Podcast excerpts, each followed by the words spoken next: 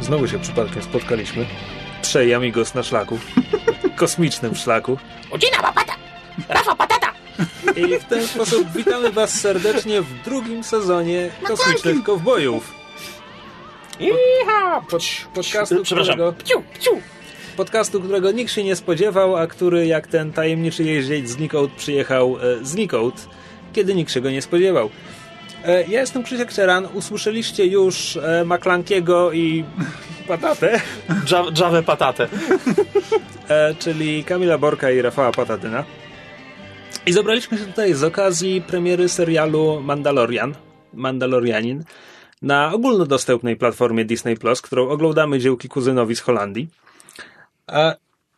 I tak, koncepcja tego sezonu jest trochę inna, to znaczy nie będziemy poświęcać odcinka na odcinek, nie będziemy też d- tak dokładnie streszczać Mandalorianina, jak streszczaliśmy Firefly, ale chcemy sobie porozmawiać o tym serialu i wskrzesi- wskresiliśmy w tym celu kosmicznych kowbojów, ponieważ jest to serial o kosmicznym kowboju. No, Nie znajdziemy chyba innego, bardziej kosmiczno-kowbojskiego serialu. Tak, co z jednej strony nie, nie dziwi, no bo Gwiezdne Wojny zawsze były kosmicznym westernem. Han Solo zawsze był kosmicznym kowbojem, a z drugiej strony Gwiezdne Wojny miały też sporo innych elementów, a Mandalorianin jest westernem o łowcy nagród, tylko że w kosmosie. Póki co przynajmniej jeszcze więcej nie dostaliśmy i te dłużyzny, wędrówka, to to wszystko tak pasuje do samotnego jeźdźca, który i właśnie łowcy głów i, i tak dalej. No, A propos dłużyzn i wełdrówki, tak, ponieważ jak to w westernach bywa, jest tutaj dużo scen krajobrazu,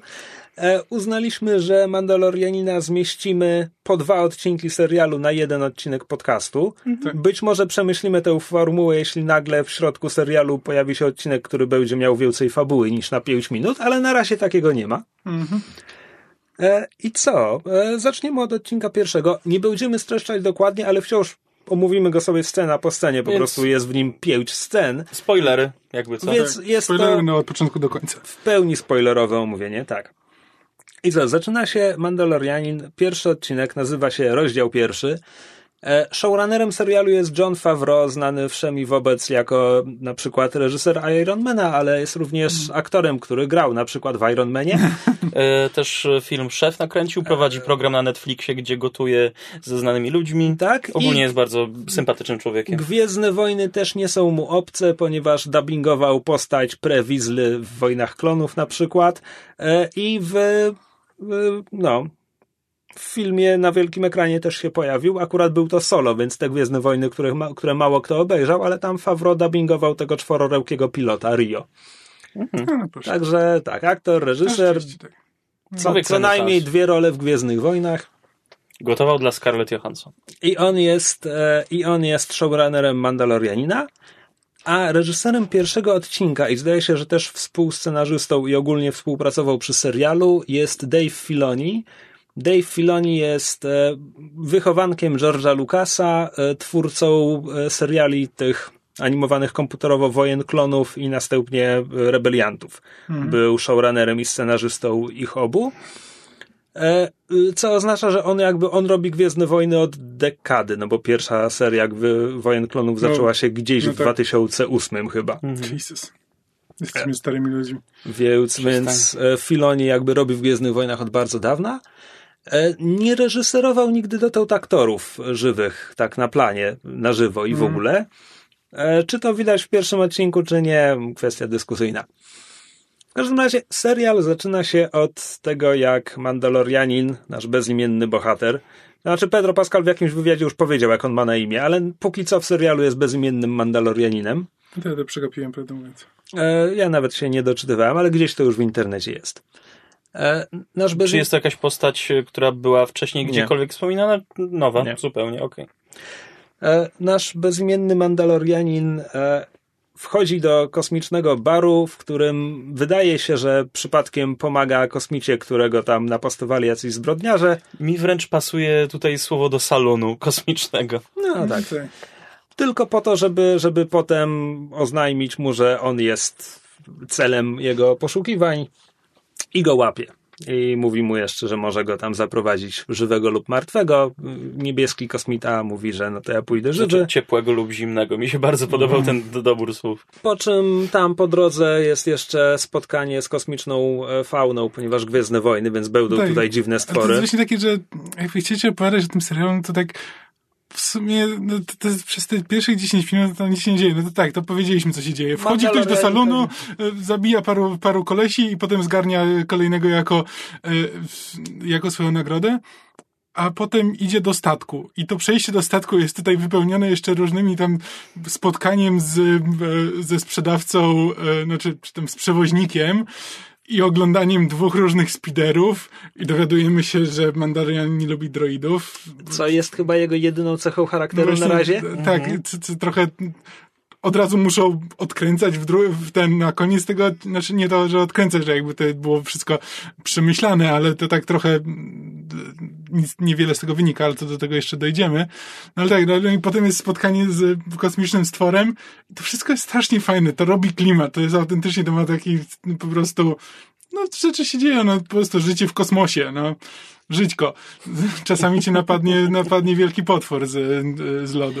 Jeszcze rozpoznałem aktora, który grał tego brodacza, który prowadził mu A, tak, speeder. tak. E, Possein ma chyba na nazwisko, No, komik jest taki. taki Bardzo, też sympatyczny aktor koleś. komediowy, w wielu różnych takich pobocznych rolkach go można zobaczyć. Okay. No i ta sekwencja kończy się, kiedy Mandalorian już odlatuje z tej planety i ten niebieski kosmita mówi, że to on pójdzie poszukać kibelka, bo i tak mu nie zwieje z tego statku i zaczyna się rozglądać po statku, jakby miał zacząć robić kłopoty, ale zanim cokolwiek wykombinuje, Mandalorianin go łapie i zamraża na resztę drogi. E, I tutaj jako e, fan Gwiezdnych Wojen, ten, który siedzi w tym świecie od dawna i tak dalej, muszę tylko wspomnieć, że na litość boską w Imperium kontratakuje Lando Calrissian bardzo wyraźnie mówi, że ludzi się nie mrozi w karbonicie i oni to zrobią wyjątkowo, bo Vader ma tu szturmowców, którzy go grożą i on nie chce tego zrobić, no ale dobrze, on to ten jeden wyjątkowy raz zrobi. Ale jest ten ikoniczny obrazek Hanna Solo zamrożonego w karbonicie, który wbił się w głowy wszystkim ludziom, którzy potem dorabiali rzeczy do Gwiezdnych Wojen, książki, komiksy i tak dalej. I oni nie zapamiętali, że to była wyjątkowa sytuacja w tym No. filmie. Zapamiętali tylko mrożenie w karbonicie. I mrożenia w, karbony, w karbonicie jest w Gwiezdnych Wojnach potem mnóstwo, chociaż to nie ma sensu. Ale ile em, lat minęło od tamtej pory? Może wtedy to, była, to był po prostu pomysł, nie. który ludzi oświecił i potem Nie. dopracowali te technologie. Ale I nie, jak widać, nie, ona już jest teraz W tym, podręczna. w tym i- serialu jesteśmy przed tym. Nie, jesteśmy Nie. po powrocie Jedi. Tak, Imperium A, upadło. jesteśmy- Kredyty imperialne są już no, Tak, niewarte. Jesteśmy Ja, parę, ja też tak, tak, musiałem to po, tak, tak, pogooglać. Jesteśmy parę lat po powrocie Jedi, natomiast twoje uzasadnienie też nie działa w momencie, gdy w Wojnach Klonów animowanych komputerowo ludzie są mrożeni karbonitem. No nie, no po prostu ludzie zapamiętali obrazek, a nie zapamiętali, że to miała być wyjątkowa sytuacja. Natomiast e, skoro już mówię o takich rzeczach, muszę wam wspomnieć o czymś bardzo ważnym dla tego serialu, jak się okazuje, to znaczy o programie Star Wars Holiday Special. Okej. To był program telewizyjny, to były pierwsze Gwiezdne Wojny nakręcone po Nowej Nadziei. To był e, program w telewizji puszczony chyba w 78, tak zły, że nawet George Lucas się go wstydzi. Nawet George Lucas od Jar Jar Binksa się go wstydzi. Ja lubię E, Jar no i Star Wars Holiday Special to jest bzdura o tym, że Luke, Han i Leia lecą do domu Czubaki na Boże Narodzenie, które w kosmosie jest obchodzone jako Dzień Życia. Live Day. Ta fraza pada tutaj w Mandalorianinie. Niebieski kosmita mówi, że miałem nadzieję, że wrócę do domu na Live Day. To się wzięło ze Star Wars Holiday Special, ale wspominam o tym programie dlatego, że to jest oficjalny debiut Boby Fetta. Bo tam w ramach, to jest taki variety show, tam ktoś śpiewa, tam ktoś tańczy, tam ktoś gotuje. Pomiędzy tym wszystkim jest nagle animowana krótkometrażówka. Mówimy o animacji z 78, więc ona jest paskudna. Ale tam Han i Luke są na jakiejś planecie, robią rzecz i wpadają na wojownika w zbroi, który wydaje się, że im pomaga, ale potem próbuje ich złapać, czy coś takiego. I to jest Boba Fett. Zadebiutował tam na dwa lata przed Imperium kontratakuje. I na przykład posługiwał się tam taką długą strzelbą, co miała rozwidloną lufę. I to jest broń, którą Mandalorianin ma w tym serialu. To jest wzięte stamtąd. No, No, sięgnęli daleko właśnie, żeby, żeby, tak, my, laicy, mamy smaczki, u, karbonit. Ty masz smaczek w 70 tamtym, tam była taka sama strzelba. E, tak, i skoro już o tym mówię, może wspomnę trochę o Mandalorianach, skoro to jest tytuł e, serialu i w ogóle, bo oczywiście wszyscy wiemy, że Boba Fett jest Mandalorianinem. Mhm. Skąd to wiemy tak naprawdę? Bo to jest jedna z tych rzeczy w rodzaju, skąd wiemy, że Iwoki to Iwoki, skoro w filmie Powrót Jedi nie pada ta nazwa. Znaczy, podejrzewam, że może chodzić o to, że te ich zbroje są takie ciężko dostępne i gdyby ktoś nie będąc Mandalorianinem i nie będąc wychowany... Ale nie, chodzi Ja, ja pytam, ja pytam skąd, skąd wiesz, że Boba Fett jest Mandalorianinem? Na zasadzie skąd znasz słowo Mandalorianin? No, Byli Mandalorianie w Kotorze, Tak, wspominali. był, były wspominane E, wądy, wojny manda, Mandaloriańskie. Mandaloriańskie. No no, okej, ale to, to już było wtórne, jakby No na tak, zasadzie... Ale, ale już przed, przed Kotorem już wiedziałem, czym jest, e, kim jest, ma- czy, No kim są Mandalorianie. Jezus Maria. Więc e, Gramatyka taka trudna. w starym kanonie, czyli, czyli w tym, co zostało wywalone po tym, jak Disney kupił Gwiezdne Wojny, była mowa o tym, że Mandalorianie to jest, e, to nie jest gatunek kosmitów, to jest kultura. E, więc większość Mandalorian to są, to są ludzie, jakby tak samo jak Han Solo i tak dalej, ale oni jakby pochodzą z konkretnej planety, na której powstała ta konkretna kultura wojowników, dla Jakby których w Kotorze w ogóle ten postać Mandalorianina, który był w Kotorze, nawet nie miał tej zbroi y, Prawda. czy generalnie w Kotorze Mandalorianie mieli konkretny typ zbroi, ale wyglądały one inaczej niż, No niż tak, ale to tutaj. też było tysiące lat różnicy, więc tam Okej. chcieli coś zmienić, żeby to wyglądało inaczej. Nie, bo jakby o tej konkretnej postaci, którą, A, okej. którą była grywalna w Kotorze, to niby. E, tak. I potem e, większość z tego została trochę wywalona, a potem jeszcze pojawiły się te wojny klonów komputerowe, w sensie serial, Mhm. w którym w ogóle, kiedy poznajemy Mandalorian, dowiadujemy się, że jest to planeta pacyfistów. I więc wtedy ludzie mieli takie, ale czekaj, ale a te 15 książek, które przeczytałem, to tam było coś innego. Co w końcu zostało jakoś pożenione na zasadzie, że są tam pacyfiści mandaloriańscy, ale jest też również odłam tych wojowników, którzy chcieliby tam wszystko zmienić. W trakcie wojen klonów oni są tam trochę terrorystami, ale w końcu przejmują panowanie nad tą planetą. A potem Darth Maul nimi rządzi przez chwilę, ponieważ ten serial jest Bo, dziwny. bo zdobył czarne ostrze. Tak, o widzę, że ktoś czytał. Oglądałem. A, zapomniałem, że to oglądałeś Wojnę Klonów. Czy skończyłem Wojny Klonów oglądać mniej więcej, gdy już był dorosły Anakin i jakby i Ashokę przejął. Anakin jest dorosły od samego początku Wojen Klonów. Ale jak został generałem, generalnie, jak, to było dawno temu. Genera, generalnie, jak był generałem, to już nie oglądałem. No tak, e, więc, e, więc ostatecznie jakby Mandalorianie w nowym kanonie, jakby nowy kanon wprowadził tam trochę więcej szczegółów. Znaczy Mandalor- Mandalorianie nie są tylko wojownikami, ale jak już zostają wojownikami, to najlepszymi w kosmosie i w ogóle. No ale tutaj, że to już jest w drugim odcinku, ale mamy powiedziany, ten Mandalorianin mówi kwestię, że y, ten... Że broń to jego jest, religia. Tak, broń jest częścią mojej religii. Szczerze mówiąc, miałem wrażenie, że to miał być dowcip. Ciężko powiedzieć przez hełm, bo Znaczy- nie ma wyrazu twarzy. Y, Zastanawiałem się nad tym tylko, że jeśli to był dowcip, to jakby na czym miałby polegać, no bo jeśli mówi, że jestem Mandalorianinem, broń to część mojej religii, to jakby no to ten dowcip powinien się zasadzać na jakimś stereotypie Mandalorianina. E, Miałem na zasadzie, że to jest po prostu jego tekst, że, że nie odłoży broni i co mi zrobisz. tak, ale potem wtedy- odkłada broń. Tak, tylko że wtedy to... by- Po jednym jak, argumencie. gdyby to był tekst po prostu broń jest częścią mojej religii, to tak bym to odebrał. Ale ponieważ mówi, że jestem Mandalorianinem, więc broń jest częścią mojej religii, to jakby to jest nawiązanie do jego kultury.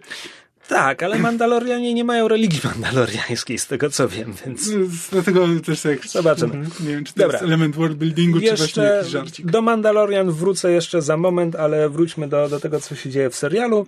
To znaczy, Mandalorianin przylatuje na planetę, na której dostał zlecenie i otrzymuje zapłatę za nie tylko Smurfa Kosmita, ale też innych ludzi, których miał zamrożonych w ładowni. I tutaj poznajemy pierwszą postać, która otrzymuje imię w tym serialu. Apollo Creed. E, tak, to jest e.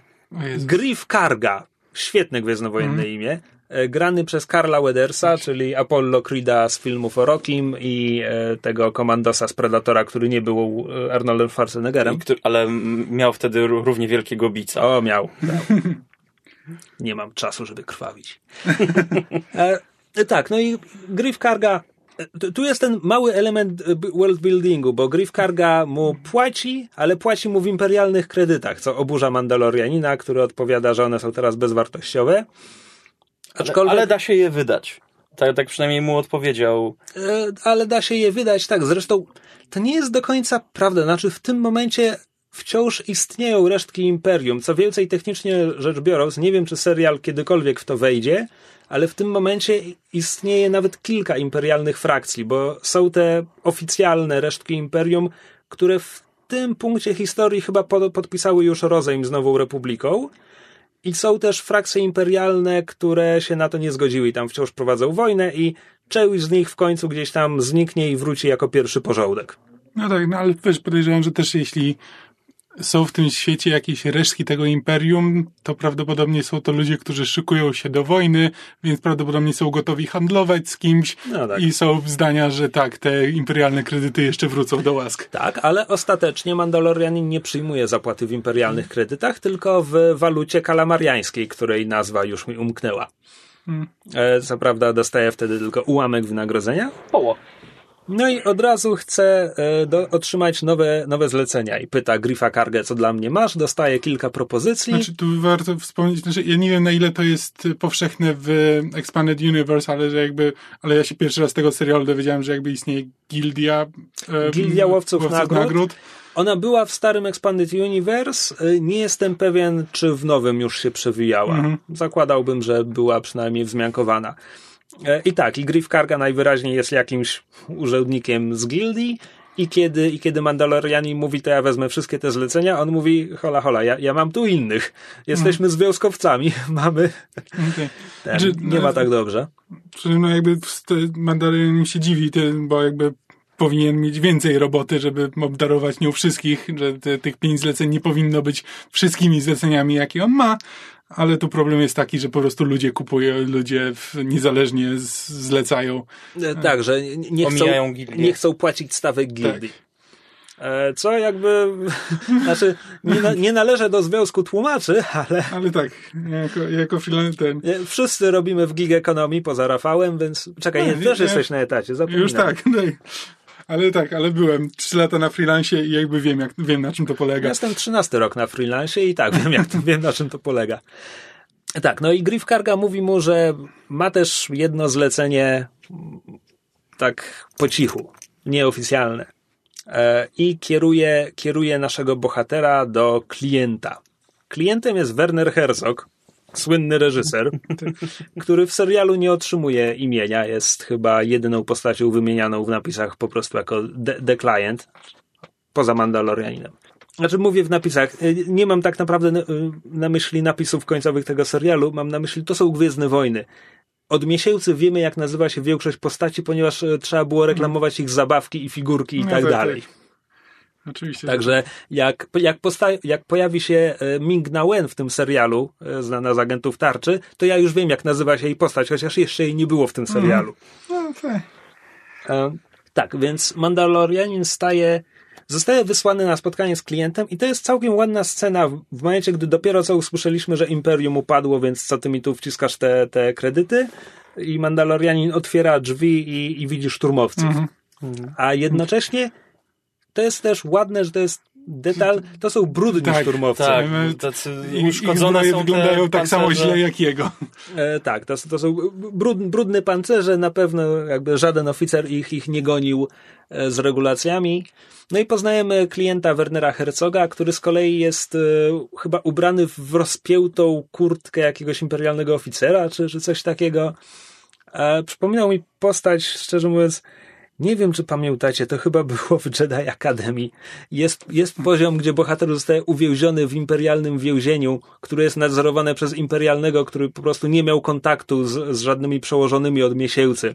I on tam sobie użył za po prostu safari. On też jest takim, wiesz, pamiętam tego. ma, ma rozpiętą kurtkę oficera narzuconą na brudny podkoszulek z brzuchaty. potem w The Force Unleashed 2 jest identyczna postać. O, wow. okej. Jest najwyraźniej trop, który ktoś tam kiedyś polubił w LucasArcie. Tak, no i tajemniczy klient e, zleca tajemnicze zlecenie. Mówi, że nie tylko nie ma krążka hokejowego z namiarami na, na ofiarę, bo tutaj zlecenia są przekazywane na takich okrągłych pakiecikach danych, które nawet dosłownie w dialogach są nazywane PAX. Tak, tak. Dosłownie krążki hokejowe. No i to zlecenie nie miało, nie było oficjalne, tak było... Nie miało krążka hokejowego i w zasadzie jedyną informacją, którą dostaje Mandalorianin jest wiek celu, lat 50 i dostaje Nadajnik, znaczy właśnie nie nadajnik, odbiornik tak, Tak. czegoś. jakiegoś sygnału, który ma go Urządzenie namierzające, ale nie wiadomo co właściwie namierzające. E, tak, i klient jeszcze mu mówi, że e, no, to, to jest zlecenie żywy lub martwy. W sensie preferowany byłby żywy. Tam jest jakiś naukowiec, który, który wręcz się oburza na sugestie, że, że może być martwy, ale Werner Herzog odpowiada, że jest realistą, różnie może być. Wilki to ludzie, ludzie to wilki, w społeczeństwie jest... Przepraszam, próbowałem Żywe naśladować społeczeństwo. Wernera Herzoga, ale nie, nie wyszło mi. Znaczy, to, to jest, to, to jest niezabawne, no bo jakby mamy, znaczy, bo właśnie Werner Herzog to mówi, że może być, może być też martwy, na co ten naukowiec, prawdopodobnie jakiś były naukowiec Imperium, czy kto, kogokolwiek nie gra, to się oburza, że ej, nie na to się umawialiśmy, że miał być żywy. E, jakby właśnie Werner Herzog mówi wtedy, że no, jest po prostu realistą. To jest doktor Pershing, grany przez Omida Aptachiego. Tak, więc już tutaj na tym etapie mamy jakieś e, e, dwie strony jakby tego dwie, po, stojące po tej samej stronie, ale trochę, trochę ze sobą konfliktujące, a jeszcze dojdzie do tego ewidentnie jakaś trzecia nieznana siła, e, ale to do tego dojdziemy za chwilę, jak już, e, jak już Mandalorianin poleci. Tak, no i Man- Mandalorianin widać, że ma wątpliwości, biorąc pod uwagę, że nic nie wie o tym zleceniu, ale Werner Herzog go przekupuje, kładąc przed nim sztabkę bez karu i mówiąc, że po wykonaniu zadania dostanie jeszcze, tu pada zmyślona nazwa, nie wiem, miary, Hmm, że dostanie tego mnóstwo. Jak się nazywał ten metal, który w Numenerze był wydobywany? Nazywał się Beszkar, ponieważ nigdy w życiu nie przypuszczałem, że w wysokobudżetowym serialu padnie ta nazwa i ktokolwiek mnie kiedykolwiek przyłapie na tym, że ją zapożyczyłem. Do, dosłownie w tym momencie sobie przypomniałem o tym. Tak. Beskar swoją drogą też bierze się ze, ze starego Expanded Universe, ale po drodze przeszedł przez Wojny Klonów już. Wojny Klonów są takim pomostem, bo one się zaczynały, kiedy jeszcze obowiązywał stary kanon i dlatego zawierają sporo jego elementów, a potem, kiedy Disney wykupił Gwiezdne Wojny, wywalił stary kanon poza Wojnami Klonów. I, i w ten sposób Co wiele jest elementów... takiego specjalnego w tym bezkarze? Znaczy rozumiem, że ma dużą wartość dla Mandalorian, że pewnie był wydobywany na ich to- to planecie. jest- te z- zbroje są z tego Tak, to bezkaru. jest, to jest bardzo wytrzymały stop Mhm. e, metalu, z którego oni robią swoje zbroje. i Czyli nie, Star Warsowe Vibranium. Znaczy, Trochę tak. Znaczy widać, że to jest bardziej kwestia tego, że to jest, że to ma jakąś wartość bardziej Dla- kulturową ludu, niż tak. tak. niż cokolwiek innego, bo on pierwsze co robi z tą sztabką, to po prostu idzie do jakiejś siedziby Mandalorian, Mandalorian na tej planecie. Właśnie idzie do mandaloriańskiej pani Kowal i ja miałem Mhm. takie głębokie, czemu na tej planecie jest mandaloriańska pani Kowal? Ale okej, jest tam. Mhm. I tam mamy znowu, mamy opowiadanie o tym świecie przez pokazywanie czegoś zamiast po prostu mówienie, więc jest Nie, po to, prostu, to akurat robi świetnie. więc jest po prostu taki obrzęd wręcz, gdzie pani Kowal bierze tę sztabkę i wykuwa mu na ramiennik, ponieważ on Mandalorianin powinien prawdopodobnie mieć pełną zbroję z Beszkaru, a on, przepraszam, Beskaru, miesza mi się, a on na razie jej nie ma. Właściwie nie mamy powiedziane, które elementy jego pancerza Czy są z, z z tego co widzę, to chyba hełm i teraz ten naramiennik dostał, bo reszta się wydaje. W jakby- drugim odcinku zobaczymy, że napierśnik zdecydowanie jest z czegoś innego. Mhm. Tak, no jest, ewidentnie ma to dla nich jakieś istotne znaczenie, ale dla mnie dużo ważniejsza y, kwestia, która tutaj pada, jest taka, że Mandalorianin mówi pani Kowal, ile dostanie za to zlecenie, na co ona mówi, że no to jakby wykujemy ci napierśnik, a reszty starczy na utrzymanie 50 znajd. To jest dla mnie bardzo ważne. Za moment dowiemy się, że główny bohater też był znajdą, w sensie był adoptowany. Dla mnie jest to bardzo ważne, ponieważ w starym kanonie adopcja była ogromnym elementem mandaloriańskiej kultury. Mhm. I o ile wiem, ten element dotąd nie pojawiał się w nowym kanonie, więc to jest pierwszy raz, kiedy, kiedy mamy powiedziane, że okej, dla Mandalorian wciąż to jest ważne. No ja podejrzewam, to może być tak, że to jest główny ich sposób utrzymania tej kultury. Znaczy, właśnie w starym kanonie to, to było tak, że jakby ważne, liczy się to, kto cię wychował, nie twoje geny, dlatego pośród Mandalorian byli też na przykład, były istoty, które nie były ludźmi, bo to kultura, a nie, a nie Jasne. gatunek. E, A z drugiej strony tam na przykład, wiesz, wiesz, cała seria książek o tym, czy, czy e, klony walczące dla Republiki, czy mogą się poczuwać do bycia Mandalorianami i jak klony przejmowały elementy kultury mandaloriańskiej. Jeśli graliście w Republic Commando, to tam też są tego drobne elementy. Nie pamiętam tego. Ja, ja grałem, ale nie zwracałem uwagi na fabułę wtedy. Nie. Przełknął tą obelgę Krzysiek. Nie, nie, to nie jest obelga. Chciałem podzielić się uwagą, że w, przy ekranie startowym gra hymn mandaloriański, ale skąd ktokolwiek ma to wiedzieć. Okej. A, Z naszego podcastu Kosmiczni Kowboje, który wraca na cztery odcinki co najmniej. podoba mi się ta pewność w głosie. E, A ja mam jedno, jeden, miałem jeden problem właśnie, może ty, ty mi trochę światła na to rzucisz. Wykorzystała tą sztabkę, odlała mu na ramiennik, a potem z jakiegoś powodu, już po uzyskaniu pożądanego kształtu zbroi, zaczęła napierdzielać w niego młotem. Owszem, rozumiem, ładny, iskrzący młot mandalorski, mamy zbroję, to muszą lecieć iskry i musi młot być, musi być walenie młotem. Ale jeżeli generalnie już się coś odlało, to już to się wtedy to po prostu hartuje ewentualnie temperaturą i tak dalej, a jakby młota się używa do uzyskania kształtu, który już osiągnęła odla, Ja odlaniem. mam wrażenie, że błąd, który robisz jakby w założeniu jest taki, że ten podcast nazywa się Kosmiczni Kowboje, a nie Kosmiczni Kowale.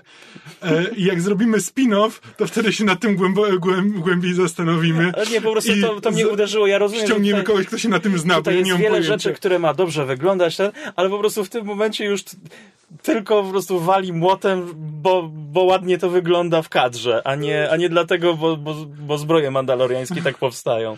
Ja o, oglądałem trochę takich jakichś, wiesz, YouTube'owych e, filmów o kuciu mieczy, kuciu rzeczy Okej. i nie jestem, broń Boże, ekspertem w tej dziedzinie, ale generalnie jak się coś odlewa, no to już się raczej tego nie kuje później. No widzisz, bo to jest sekretna mandaloriańska sztuka. No właśnie, może ten młot y, przepuszcza, puszcza jeszcze jak, jakąś energię przez ten metal, który go utwardza. To jest pamięć młota. Tak. E, I co? Man, po tej scenie Mandalorianin leci i podjął się zlecenia. Loaduje na planecie, Która nie jest Tatooine. która nie jest Tatooine, ale jest kolejną z pustynnych planet w Gwiezdnych Wojnach. Wychodzi ze statku, rozgląda się przez lornetkę i zostaje zaatakowany przez dwunożne kosmiczne ropuchy, z którymi sobie nie radzi. Musi zostać uratowany przez Nika Nolte, który w tym serialu dubbinguje, nie wiem czy grał na planie, ale na pewno dubbinguje e, postać Ugnauta. Ugnaut to jest rasa. Wi- coś widzimy- na K nazywa, K, K E, i coś tam. Ugnautów widzimy przez chwilę w Imperium kontratakuje, kiedy Czubaka znajduje C-3PO ro- rozebranego na części, to Ugnauci zaczynają się nimi przerzucać. Znaczy, ja, Ugnauci to byli tacy spasieni z toporami często. Nie, nie myślisz, nie. myślisz o ga- Gammoranach. Okej, tak, Z myślę powrotu o Jedi. Gamorana. Nie, Ugnauci, Ugnauci ja, ja to kojarzę tylko i wyłącznie z karcianki Star Warsowej, jakby była, była karta Ugnota. U, Ugnauci czasami są przedstawiani niemalże jako świnoludzie też, Mhm. tak jak Gamorreanie, tylko że są niscy. Natomiast ten, ten nie, nie idzie tak bardzo w tę stronę.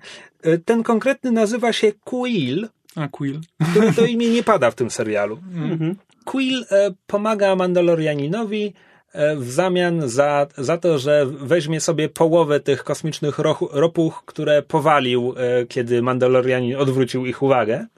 Mandalorianin mówi, że niech sobie weźmie wszystkie, bo one mi nie są potrzebne, ale Quill mówi mu, nie, nie, ty, ty potrzebujesz wierzchowca. Rzekłem. Rzekłem, tak. On, on, Ma swój catchphrase. kie- kiedy powie coś ważnego, to kończy to e, I have spoken. Co jest całkiem przyjemne. Tak. Już To prowadzi, to da, prowadzi dawno nie do... mieliśmy catchphrase'ów wprowadzanych do seriali. One jakoś wyginęły. Coś w tym jest.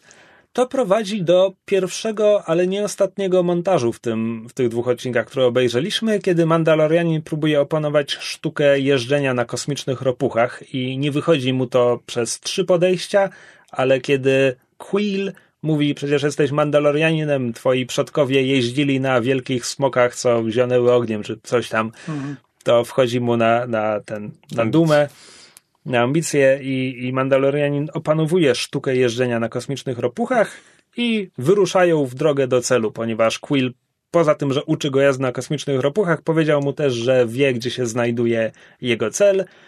I, i jego cel w tym jest taki, że jeśli Mandalorianin wystrzeli wszystkich bandytów, którzy tam są, to w jego dolinie znowu zapanuje spokój.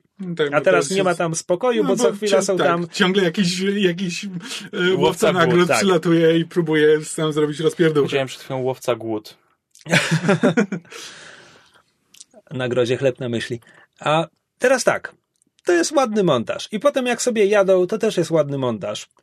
To wszystko miałoby dla mnie trochę więcej sensu, gdybym ja widział wyraźnie, że oni faktycznie potrzebują tych wierzchowców, żeby pokonać tę drogę, a ja nie widzę Czemu tego nie mógł wyraźnie. wylądować bliżej? Tak, czemu, czemu nie mógł podlecieć swoim statkiem, czemu nie mógł nawet tego zrobić na piechotę, bo te kosmiczne ropuchy, okej, przeskakują tam jakieś rozpadliny, ale to nie jest tak, że one skaczą na 50 metrów i nikt inny by tego nie zrobił. Więc to jest wszystko trochę fabuła dla fabuły, która nie do końca się sama wyjaśnia. Ale jest ładny montaż, jest ładna muzyka i ładne ujęcia. I tutaj chyba po raz pierwszy słyszymy, ja mam wrażenie, że to jest główny motyw muzyczny tego serialu, bo on się potem powtarza przy napisach końcowych. I może to przez to, że jest nałożony na montaż, kiedy bohater próbuje opanować jakąś sztukę niemalże sportową, przez co ta muzyka tak bardzo mi się kojarzy z muzyką z Rockiego. Tym bardziej, że jeszcze zahaczkę miałeś, bo był Tak. Apollo.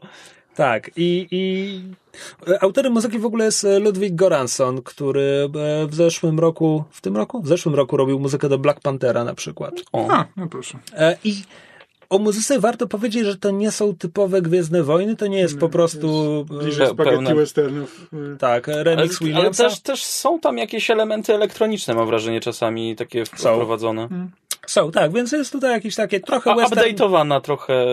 trochę western, trochę Gwiezdne Wojny, trochę, trochę coś innego. Tak, no i co? Nick Nolte zostawia Mandalorianina, Mandalorianin obserwuje kryjówkę kosmicznych przestępców, którzy tam są, ponieważ powody. Po dwóch odcinkach wciąż nie wiem, czemu oni tam byli. Jest, im, jest ich tam natomiast mały tłum i Mandalorianin chce jakoś tam podejść po cichu, ale w tym momencie przez środek dziedzińca idzie droid, łowca nagród i IG-11, e, który głośno deklaruje, hej, ja tutaj jestem z kwitem na cel, e, jako licencjonowany łowca, macie mi widać cel albo wszystkich was zastrzelę. I rozpoczyna się z, e, nie, co się dzieje najpierw? Najpierw Mandalorianin próbuje nawiązać z nim kontakt, za co obrywa z blastera w pierś, co nie robi mu krzywdy. Nie, bo, są, bo tam są dwie, dwie strzelaniny, bo najpierw, najpierw Ig zaczyna strzelać, Racja. oni się wszyscy chowają, wtedy Mandalorianin nawiązuje z nim kontakt i dopiero potem przybywają posiłki Jak, i jest tak, duże rozpierdolenie. Tak, więc w trakcie tej, tej e, krótkiej chwili e, Mandalorianin ma okazję, żeby wyjaśnić nieporozumienie, powiedzieć, hej, obaj jesteśmy łowcami, połączymy siły i podzielimy się nagrodą, a IG-11 mówi ok. IG-11 mówi to głosem Taiki Waititiego. E, reżysera Ale filmu Thor gdybym tego, nie- Ragnarok. gdybym tego nie wiedział e, z IMDB, to nie Bo, to bo nie ma nowozelandzkiego akcentu, to Mm, tylko właśnie. dlatego. E, tak, no więc po tym jak połączyli siły, teraz wraca, czy przychodzi druga fala tych kosmicznych złoli, gdzie logistyka tej sceny jest dla mnie niepojęta. To znaczy oni znikają, a potem się pojawiają w absurdalnej Mhm. liczbie. Tak, znaczy, to, to jest, oni się teoretycznie, tam wszyscy wzięli? znaczy, teoretycznie z tego, co nam serial przynajmniej mówi, to jesteśmy w ich bazie, oni uciekają i potem posiłki przybywają skąd inąd, więc to jest takie trochę absurdalne na zasadzie, że nie wiadomo, byli- gdzie oni uciekli, skąd oni się wzięli i... Może byli w środku i mieli tajne tylne wyjście, Tak, którym wyszli, żeby okrążyć Mandalorianina i IG-11. No tak, to jest dro, drobna, drobna głupotka, ale Znaczy- też można ją wytłumaczyć. Znaczy to nawet nie jest, co, wiesz, to, to, no z tych drobnych głupotek jakby za moment jest następna, bo Mandalorianin i IG-11 zostają przyszpileni ogniem przeciwnika, ale ja dwie minuty temu widziałem, jak Mandalorianin obrywa centralnie w klatę i nic mu to nie robi, bo ma zbroję. znaczy, wiesz, no, to Czy prostu- na ziemię, powalił go Znaczy, ten do- strzał. Dostał jednym, jednym strzałem blastera w, e, i to też miałem wrażenie, że to trafiło w, właśnie w ramię, w ten, e, w ten bez, bezkarowy Tak? e, na, na, na, Na- ramiennik, Może, ale może. tego nie jestem pewien. No w każdym razie zmierzam o tym, bo dostajemy scenę akcji, która ona ma pojedyncze sceny, które są efektowne, natomiast cała jakby od sceny do sceny nie bardzo dla mnie płynie. Nie, nie, nie bardzo Znaczy tak, to, to, to, jest, to jest fajny pomysł, jakby rozumiem o co w tej scenie chodziło, ale tak, ona trochę, ona trochę się gubi w tym, że znaczy robi się trochę zbyt chaotyczna i I przefajnowana, bo jakby, wiesz, z jednej strony oni są przyszpileni do tej kolumny, z drugiej strony za moment Mandalorianin powie kryj mnie i, i strzeli parę razy i to już jest moment, gdzie Mandalorianin może bezpiecznie wybiec z tej, Znaczy za tej on, kolumny. Nie, nie tak końca bezpiecznie, on się krył cały czas za, za tym botem. No zmierzam też do tego, że za moment wskoczy na obrotowe działko Tak. i też jakby nikt nie będzie do niego strzelał, kiedy on będzie strzelał z Mhm. obrotowego działka, chociaż tam już nie ma żadnej osłony. znaczy, to są takie, znaczy, też nie, nie chcę tego, nie chcę tego... Schwarzenegger w Komando też dawno powinien nie żyć, powalając legiony przeciwników. No, tak. to, to, to, to To- akurat on był tutaj jest- takim bohaterem kina akcji. No tak, to jest trochę jakby uzasadnione konwencją, no bo jakby tak wyglądają westerny na zasadzie ludzie strzelają po prostu gdzieś tam i co jakiś czas ktoś padnie, ale zazwyczaj nie jest to żaden z głównych bohaterów, chyba że nadszedł czas na e, Mid-season. No tak. albo, a- tak, albo na jakieś mm, pożegnanie. Po drodze, po drodze IG-11 kilkakrotnie groził e, samozniszczeniem, mówiąc, że ma takie dyrektywy, że nie może dać się złapać, więc w razie czego musi się zniszczyć, więc to jest element humorystyczny, kiedy Mandalorianin ze trzy razy mówi mu nie, nie, nie, nie, Nie wybuchaj. wybuchaj. E, I szczerze mówiąc, ja myślałem, że ten jego ładunek wybuchowy gdzieś wróci w tej scenie Że będzie i wykorzystany zrobi. jakoś, tak. albo że Mandalorianin wykorzysta jego tak, ładunek. Że, że on go zdetonuje i No. tak dalej. Pytanie I- jeszcze, jak silny to jest ładunek, bo był, raczej był na tyle przerażony, że jakby miało zmieścić, wiesz, z powierzchni ziemi cały ten kompleks. No właśnie. No, E, wiesz, no, na, pewno on był na tyle blisko, żeby No, go, ten, tak. żeby go z, y, zabiło. Y, Ja mam wrażenie, że to może być też, że to nie wynika jakby bezpośrednio z tego, tylko że jakby moim pierwszym skojarzeniem było takie, że no jeśli to jest, że jeśli on tak po prostu chce się teraz zabić i jakby nie ma z tym problemu, znaczy, no wiesz, to, to jest, z jednej strony no to jest droid, więc jakby czy ten, ale że, że, że może wrócić jakby, że to, to, to nie jest, to nie jest dla niego ostateczna śmierć. Znaczy, ja tak, tak sobie myślę, Ale że to- na przykład nie pojawią się inne droidy z tej serii. Możliwe. Że... No, To, to, jest, to, to jest takie, to jest tylko moje skojarzenie, które absolutnie nie wynika bezpośrednio z tego, co on mówi, ale tak mi się, tak mi się To- tylko skojarzyło. ja Ja mam- droida każdy zawsze może, mogą jeszcze pamięć przeskanować i zobaczyć, ko, z kim współpracował ostatnio. To jeszcze może wrócić. Tak. Ja tylko dodam, że oczywiście to jest droid IG-11 w odróżnieniu od droida IG-88, który stoi w tle Imperium kontratakuje. To są dwa różne droidy, aczkolwiek wyglądają podobnie. Serio? Ja miałem wrażenie, że on właśnie powiedział Nie, IG-88. nie on mówi Aha. IG-11. Ha, okej. Dobra, to źle I jest inaczej po, pomalowany i w ogóle. I swoją drogą efekt, efektownie tak walczył. Podobało mi się to jego te obracanie, co, Nie, to bardzo celowanie w kolejne. To, To To było, to było pomysłowe. spoko. Pomysłowe. czy nie, czy, czy, był, czy IG-88 kiedyś się pojawił, nie wiem, w kreskówkach, czy gdzieś w Expanded Universe? Znaczy w Expanded Universe występował, nie wiem czy był w którymś z seriali. A. No ale to, to jakby no, całkiem fajnie pomyśleli, jak, Tak. jak, jak może, szczególnie, że jakby takich droidów... Znaczy, Nie no, widzieliśmy trzy filmy o droidach widzieliśmy bojowych. trzy filmy o droidach bojowych, Po prostu były to żałosne droidy bojowe. No tak, tak. Znaczy, chodzi mi o to, że żaden jakby humanoidalny y, droid bojowy nie wykorzystywał, nie miał żadnej ciekawej mechaniki. Znaczy, to byli po Tak. prostu jakby ludzie, tylko że mechaniczni. Droideki odrobinę. No tak, tylko, ale droideki nie są, y, nie są humanoidalne. Prawda. E, jakby o tym mówię. Są zbudowane na kształt kolokoidów, które je zbudowały. Przynajmniej Aha. w starym Expanded Universe. Chyba, że Okej. przekręcam tę nazwę. Em, Teach us, master. Stworzył je insektoidalny gatunek, dlatego wyglądają jak wyglądają. Ponieważ my zawsze jak budujemy ekspres do kawy, to on wygląda jak człowiek. Wyglądają jak wyglądają. Wiesz co, na ekspres do kawy, ale, ale ludzie mają obsesję na punkcie zbudowania ro, robota, który wygląda jak człowiek. Gdyby nie to, że to jest po prostu trudne mechanicznie, to twój ekspres do kawy by wyglądał jak człowiek. E, no dobrze. Scena akcji się kończy. Jest jeszcze ten jeden ładny moment, gdzie bohaterowie przez chwilę mówią, że kurczę, tutaj są wielkie wrota z metalu, jak my się przez nie przedostaniemy, a potem przypominają sobie o tym e, działku, z którego przed chwilą Mandalorianin robił piu piu piu. I coś, coś mi tu nie pasuje, bo tym działkiem piu piu piu drzwi pancerne przecięli jak laserem. Okej, to jest laser, ale w jakiś sposób kolumny te, te, to, to działko nie potrafiło przebić, poza którą oni się chowali. Cóż, No, no tak, tak. E, wchodzą do pustego pomieszczenia. IG-11 ma swój własny ten tam pikacz, który mu wskazuje, gdzie jest cel. Po drodze był kluczowy dialog. e, zwiastowałeś to wcześniej, ponieważ IG-11 mówi o swoim celu i mówi po pierwsze, przynajmniej tak twierdzi internet, bo ja zapomniałem wrócić do odcinka i się wsłuchać w dialogi, ale po pierwsze mówi, że on miał krążek hokejowy z danymi o, o celu. Mhm. Tak? Nie wiem, czy tak jest. Tak twierdził tekst w internecie, który przeczytałem. Znaczy, Ale wrażenie, na że pewno- tylko o fob, o swoim, o swoim Tego nie fobie, wiem. a nie o paku. Tego nie wiem. Ale na pewno mówi, że jego zlecenie zakłada tylko i wyłącznie, że cel będzie martwy. Znaczy, nie w tej scenie. Właśnie o to chodzi, że... No wcześniej. On, on tu, nie, w tej scenie pada, to co jest kluczowe w tej scenie, to on mówi, że jakby, że myślał, że jest jedynym, który został tutaj przysłany Mhm. i Mandalorian mówi, że on też tak myślał. E, I właśnie i potem, kiedy y, już stoją nad tym e, z y, wózeczkiem, No, no jest, jest lewitujące jajo, które, które się otwiera i tam czeka ich 50-letni cel, który jest Jedziątkiem! niemowlakiem gatunku jody Jest jodziątkiem! i, i jadyl, jeśli ktoś chce pamiętać jadl. A, No i, e, i on wtedy właśnie, i on wtedy mówi, jakby wyciąga, że, że zlecenie zakładało, e, Że cel będzie że martwy. cel, tak, eliminację celu.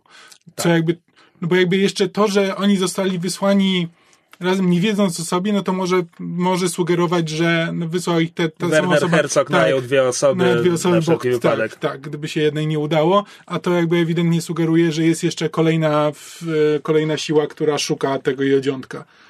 E, tak, no i oczywiście mamy tutaj najazd na Mandalorianina, który obserwuje jak IG-11 się uszykuje do tego, żeby odstrzelić jedziątko i jeśli George Lucas odkupi prawa do Gwiezdnych Wojen, to za 15 lat będzie edycja specjalna, w której Mandalorianin w tym momencie krzyknie nie, bo kiedy pada blasterowy strzał, to oczywiście na podłogę pada IG-11, którego Mandalorianin odstrzelił, żeby ocalić jedziątko. I ewentualnie, żeby nie musieć dzielić się nagrodą. Na razie jeszcze nie znamy motywacji głównego bohatera. Porozmawiajmy o tym, bo to jest koniec pierwszego odcinka i mnie ta postać nie obchodzi. I teraz tak, to jest stoicki łowca nagród i można pokazać taką postać tak, żeby była charyzmatyczna. Można nawet nie pokazywać twarzy bohatera, tylko wtedy ten bohater musi być wyrazisty w jakikolwiek sposób. Jakby Dredd z Karlem Urbanem.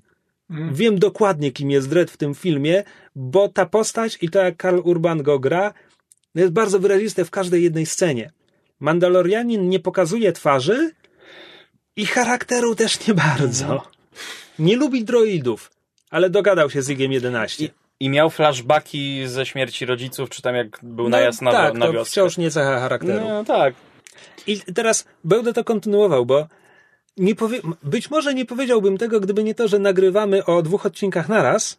Ja po drugim odcinku wciąż nie czuję tej postaci. Nie, Drugi odcinek był taki... Za moment sobie powiemy konkretnie, No. jaki był. Znaczy, nie, bo, znaczy ja rozumiem to trochę, ale też z drugiej strony cieszę się, bo jednak mam wrażenie, że znaczy tak, Dread, Dread ma charakter, ale to jest zawsze jakby charakter takiego, wiesz, twardego, małomównego faceta z zasadami. E, Ale jest jeszcze przy tym, jest brutalny, jest bezwzględny, jest jakby, tak, jest wieloma rzeczami. Wiemy, że naszego nie da się przechytrzyć i nie da się na razie pokonać w walce. Nie da się pokonać, znaczy właśnie nie da się pokonać walce. No Właśnie on jest, on jest bardzo ludzki w tym, jak walczy. On, ja wcale jak na niego patrzę, to nie ma, to to nie jest taki Boba Fett z... Boba fa- Fett?